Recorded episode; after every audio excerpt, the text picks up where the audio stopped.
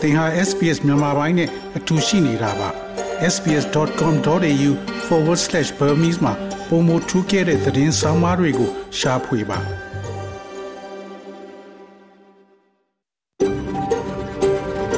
SBS A world of difference You're with SBS Burmese on mobile, online and on radio. mobile online နဲ့ radio ပေါ်မှာသင်ဟာ SPS မြန်မာပိုင်းနဲ့အ တူရှိနေတာဖြစ်ပါတယ်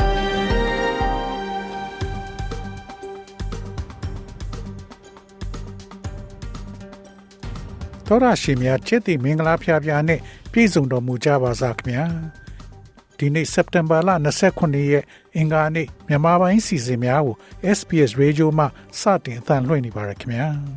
ဒီနေ့အစီအစဉ်များကိုကျွန်တော်ကြော်ထွန်းအောင်ခေါ် Terror အောင်ကတင်ဆက်သွားမှာဖြစ်ပြီးယနေ့ပါဝင်မဲ့အစီအစဉ်များမှာတော့ ဘာနာရင်ကျက်ယောဂခံစားနေရသောဩစတြေးလျများအားမုန်တိုင်းရာသီအတွက်သတိပေးဆိုတဲ့ဆောင်းပါဩစတြေးလျတွင်အသက်16နှစ်ပြည့်ခြင်းအရွယ်ရောက်ပြီးခြင်းရဲ့အကျိုးကျေးဇူးများနဲ့နာကျင်မှုများဆိုတဲ့ဆောင်းပါတန်ရွယ်ခက်ကဘေးပို့ထားတဲ့ digital လောကပြင်ပရောက်မြန်မာပြည်သူများဆိုတဲ့သတင်းဆောင်မတို့ဖြစ်ပြီးဒီနေ့ခေါင်းကြီးပိုင်းသတင်းတွေကတော့ရုရှားနိုင်ငံမှာစာသင်ကျောင်းပြစ်ခတ်မှု15ဦးသေဆုံး Optus Data ပေါက်ကြားမှုမြန်မာနိုင်ငံသားတွေအမေရိကန်မှာယာယီနေထိုင်ခွင့်နောက်တစ်နှစ်ခွဲတိုးပေး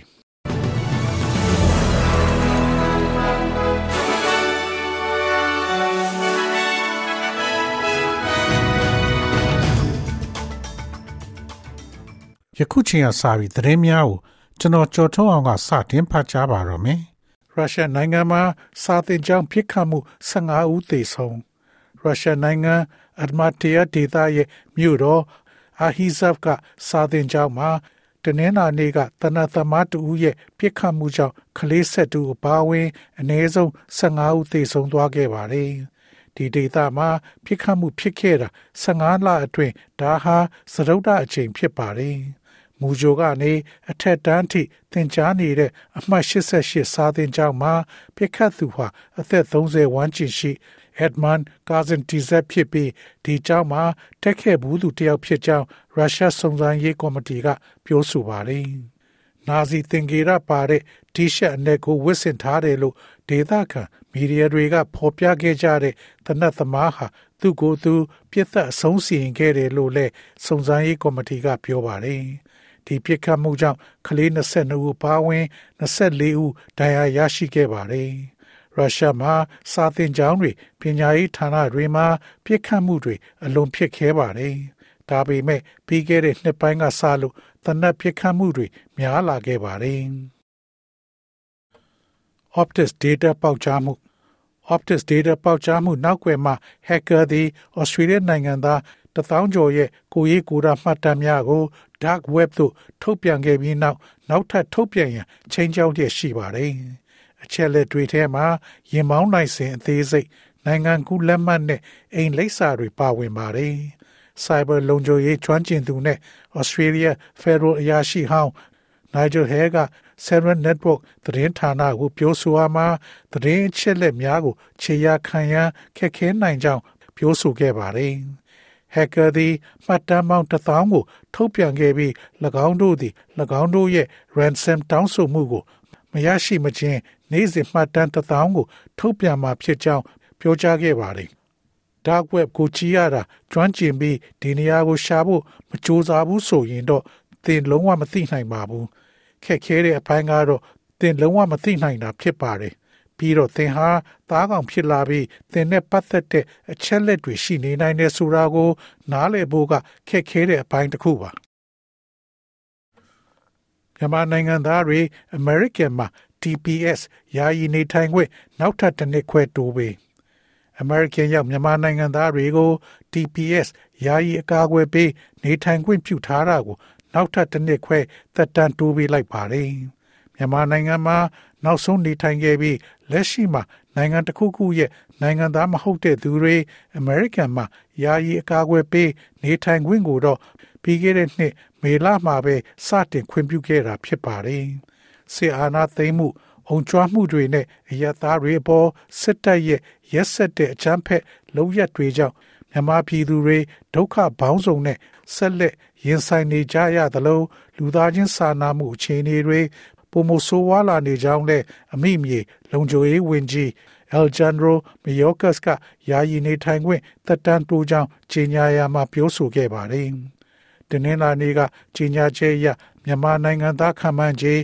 980လောက်2024ခုနှစ်မေလအထိတရားဝင်နေထိုင်ခွင့်ဆက်လက်ရရှိမှာဖြစ်သလို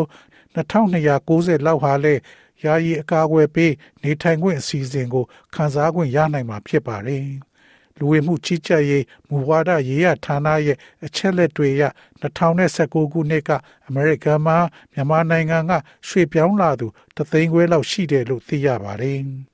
ဒီထဲမှာအများစုကတော့လူဦးရေ8800ရှိတဲ့ Indiana ပြည်နယ်မှာဖြစ်ပြီး California ပြည်နယ် Los Angeles မှာတော့9600 Minnesota ပြည်နယ်မှာ6800လောက်ရှိတယ်လို့သိရှိရပါတယ်။ Australia အမျိုးသားသမာဓိကော်မရှင်အတွက်ဥပဒေပြဋ္ဌာန်းရန် Labor Party ကအတည်ပြုရှေ့နေချုပ် Mark Dreyfus ကအမျိုးသားသမာဓိကော်မရှင်ဥပဒေသည် Labor Caucus က အတည်ပြုပြီးနောက်ပါလီမန်သို့တင်သွင်းမည်ဟု ပြောကြားခဲ့ပါတယ်။ကော်မရှင်ဖွဲ့စည်းရန်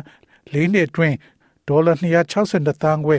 ဝေပေးမှာဖြစ်ပါတယ်။ဥပဒေမူကြမ်းရဲ့အခြေခံမူများတွင် အချင်းပြတ်ခြစားသောအချင်းကိုစုံစမ်းစစ်ဆေးခြင်းအစိုးရနှင့်ကင်းလွတ်သောလှုပ်ဆောင်မှုများနောက်ကျောင်းပြစစ်ဆေးနိုင်မှုအာဏာများပါဝင်ပါတယ်။ ကော်မရှင်သည်မဖွဲ့စည်းမီသို့မဟုတ်အပြီးတွင် ဖြစ်ပွားခဲ့သော ပြင်းထန်သောသို့မဟုတ်စနစ်ကျအချင်းပြတ်ခြားစားမှုဆွဆွဲချက်များကိုစုံစမ်းစစ်ဆေးရန်အခွင့်အာဏာရှိမှဖြစ်ပါတယ်။လူမှုကြားနာပွဲကော်မရှင်သည်ချွင်းချက်အခြေအနေများတွင် လူမှုကြားနာပွဲများကျင်းပရန်အခွင့်အာဏာရှိမှဖြစ်ပြီး၎င်းသည်အများပြည်သူအကျိုးစီးပွားအတွက်လှုံ့ဆော်ရမယ့်နေရာဖြစ်ပါတယ်။တွေးရှိချက်များကော်မရှင်သည်အကျင့်ပြတ်ခြစားသော အချင်းစာရိတတွေးရှိချက်များအပါအဝင် အချက်လက်များရှာဖွေတွေးရှိချက်များအား AFP သို့မဟုတ် Commonwealth Director of Public Prosecution ထံသို့ရာဇဝတ်မှုဖြစ်စေနိုင်တဲ့တွေးရှိချက်များကိုကိုးကားရန်အခွင့်အာဏာပေးမှဖြစ်ပါတယ်။၎င်းတွင်လှုပ်ထုံးလုံနည်းဆိုင်ရာတရားမျှတမှု whistleblower များအတွက်ပြင်းထန်သောအကာအကွယ်များနှင့်၎င်းတို့ရဲ့အရေးအမြစ်များကိုကာကွယ်ရန်အတွက်သတင်းထောက်များအတွက်ကင်းလွတ်ခွင့်များ ပါဝင်မှာဖြစ်ပါတယ်။ကုလအထွေထွေညီလာခံမှာမြန်မာနဲ့အာဖဂန်နစ္စတန်နှစ်နှစ်ဆက်တိုက်မတည့်ရောက်နိုင်ဒီနေ့နာနေ့ကအဆုံးသတ်ခဲ့တဲ့ကုလသမဂ္ဂအထွေထွေညီလာခံမှာနှစ်နှစ်ဆက်တိုက်အဖြစ်မြန်မာနဲ့အာဖဂန်နစ္စတန်နိုင်ငံတို့ကကိုစားပြုတက်ရောက်တာမရှိခဲ့ပါဘူး။ပြီးခဲ့တဲ့နှစ်ဖေဖော်ဝါရီလကအယက်သားအစိုးရကိုဖယ်ရှားပြီးစစ်တပ်အာဏာသိမ်းခဲ့တဲ့နောက်ပိုင်းနိုင်ငံရေးအချက်တဲတွေပေါ်ပေါက်နေတဲ့ မြန်မာနိုင်ငံနဲ့ဩဂတ်လထဲကတာလီဘန်တွေတကြောပြန်အာဏာရခဲ့တဲ့အာဖဂန်နစ္စတန်နိုင်ငံအတွက်ကိုစားပြုမှုအငင်းခုန်ဖြစ်နေချိန်မှာပဲအထွေထွေညီလာခံမှာနှစ်နှစ်ဆက်တိုက်မတက်နိုင်ပဲဖြစ်နေပါတယ်။ဆီအာနာသိမ်းမှုကိုစန့်ကျင်ခဲ့သူကုလသမဂ္ဂဆိုင်ရာမြန်မာအမြဲတမ်းကိုယ်စားလှယ်ဦးကျော်မိုးထွန်းအပေါ် နိုင်ငံတော်သစ္စာဖောက်ဖြစ်ဆွဆွဲပြီးစစ်ကောင်စီကအစားထိုးဖို့ကြိုးပမ်းနေပေမဲ့ကုလသမဂ္ဂနိုင်ငံကိုစားပြုမှုကိုစီစစ်လက်ခံရတဲ့ Credential Committee ကအဆုံးဖြတ်မပေးဘဲဆိုင်းငံ့ထားတာဖြစ်ပါတယ်။မြန်မာနိုင်ငံမှာဆရာအာဏာသိမ်းပြီးနောက်ပိုင်းနိုင်ငံရေးအကျပ်တဲတွေနဲ့လက်နက်ကင်ပဋိပက္ခတွေပေါ်ပေါက်နေတဲ့အပေါ် ကုလသမဂ္ဂအကြီးအကဲအပါဝင် တာဝန်ရှိသူတွေကစိုးရိမ်တဲ့သဘောထားတွေကိုလည်းပြောဆိုခဲ့ကြပါတယ်။အားကစားမှာတော့ Grand Final ရဲတပ်ပတ်ကိုစတင်ခြင်းဖြင့်တနင်္ဂနွေနေ့စက်တင်ဘာလ29ရက်နေ့နောက်ဆုံးမှာ NRL ထိတ်တိုက်တွေ့ဆုံမှုအတွက်နှစ်သစ်ကြိုးဆိုပွဲလိုဖြစ်နေပါတယ်။ Penrith Panthers သည် Parramatta Eels နဲ့ တိုက်ပွဲဆင်နွှဲမှာဖြစ်ပြီး Sydney Harbour တွင်မီရှုမီးပန်းများပြစ်လွတ်ခြင်းအထိမ်းအမှတ်အဖြစ်ပြုလုပ်မှာဖြစ်ပါတယ်။ Eels က Captain Junior Paulo Panthers က Captain Nathan Cleary NRLW Eels Captain Simama Tafu နဲ့ NRL W Knights Captain Millie Boy တို့သည် Sydney Opera House အပြင်ဘက်ရှိ New South Wales ရဲ့ခရီးသွားလာရေးဝန်ကြီး Ben Franklin နဲ့အတူပူးပေါင်းလှုပ်ဆောင်ခဲ့ပါတယ်။ SBS SBS SBS SBS SBS This is SBS Radio.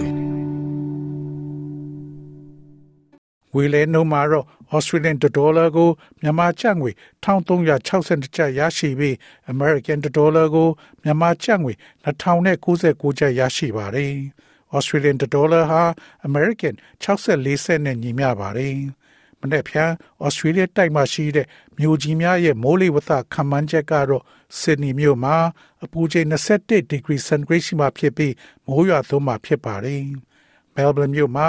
အပူချိန်16ဒီဂရီစင်တီဂရိတ်ရှိမှဖြစ်ပြီးမိုးရွာသွန်းမှုလျော့နေလာမှာဖြစ်ပါတယ်။ Brisbane မြို့မှာအပူချိန်25ဒီဂရီစင်တီဂရိတ်ရှိမှဖြစ်ပြီးမိုးရွာသွန်းမှာဖြစ်ပါတယ်။ Perth မြို့မှာ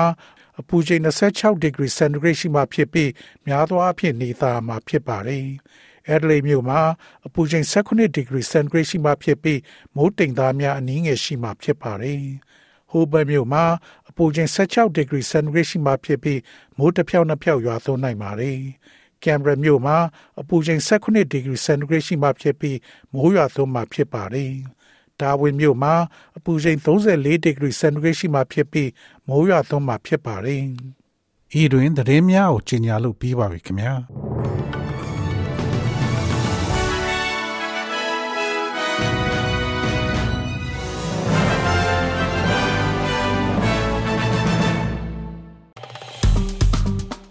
SPS မြန်မာပိုင်းကို Facebook ပေါ်မှာ like ရှာပြီး like မျှဝေမှတ်ချက်ပေးပါ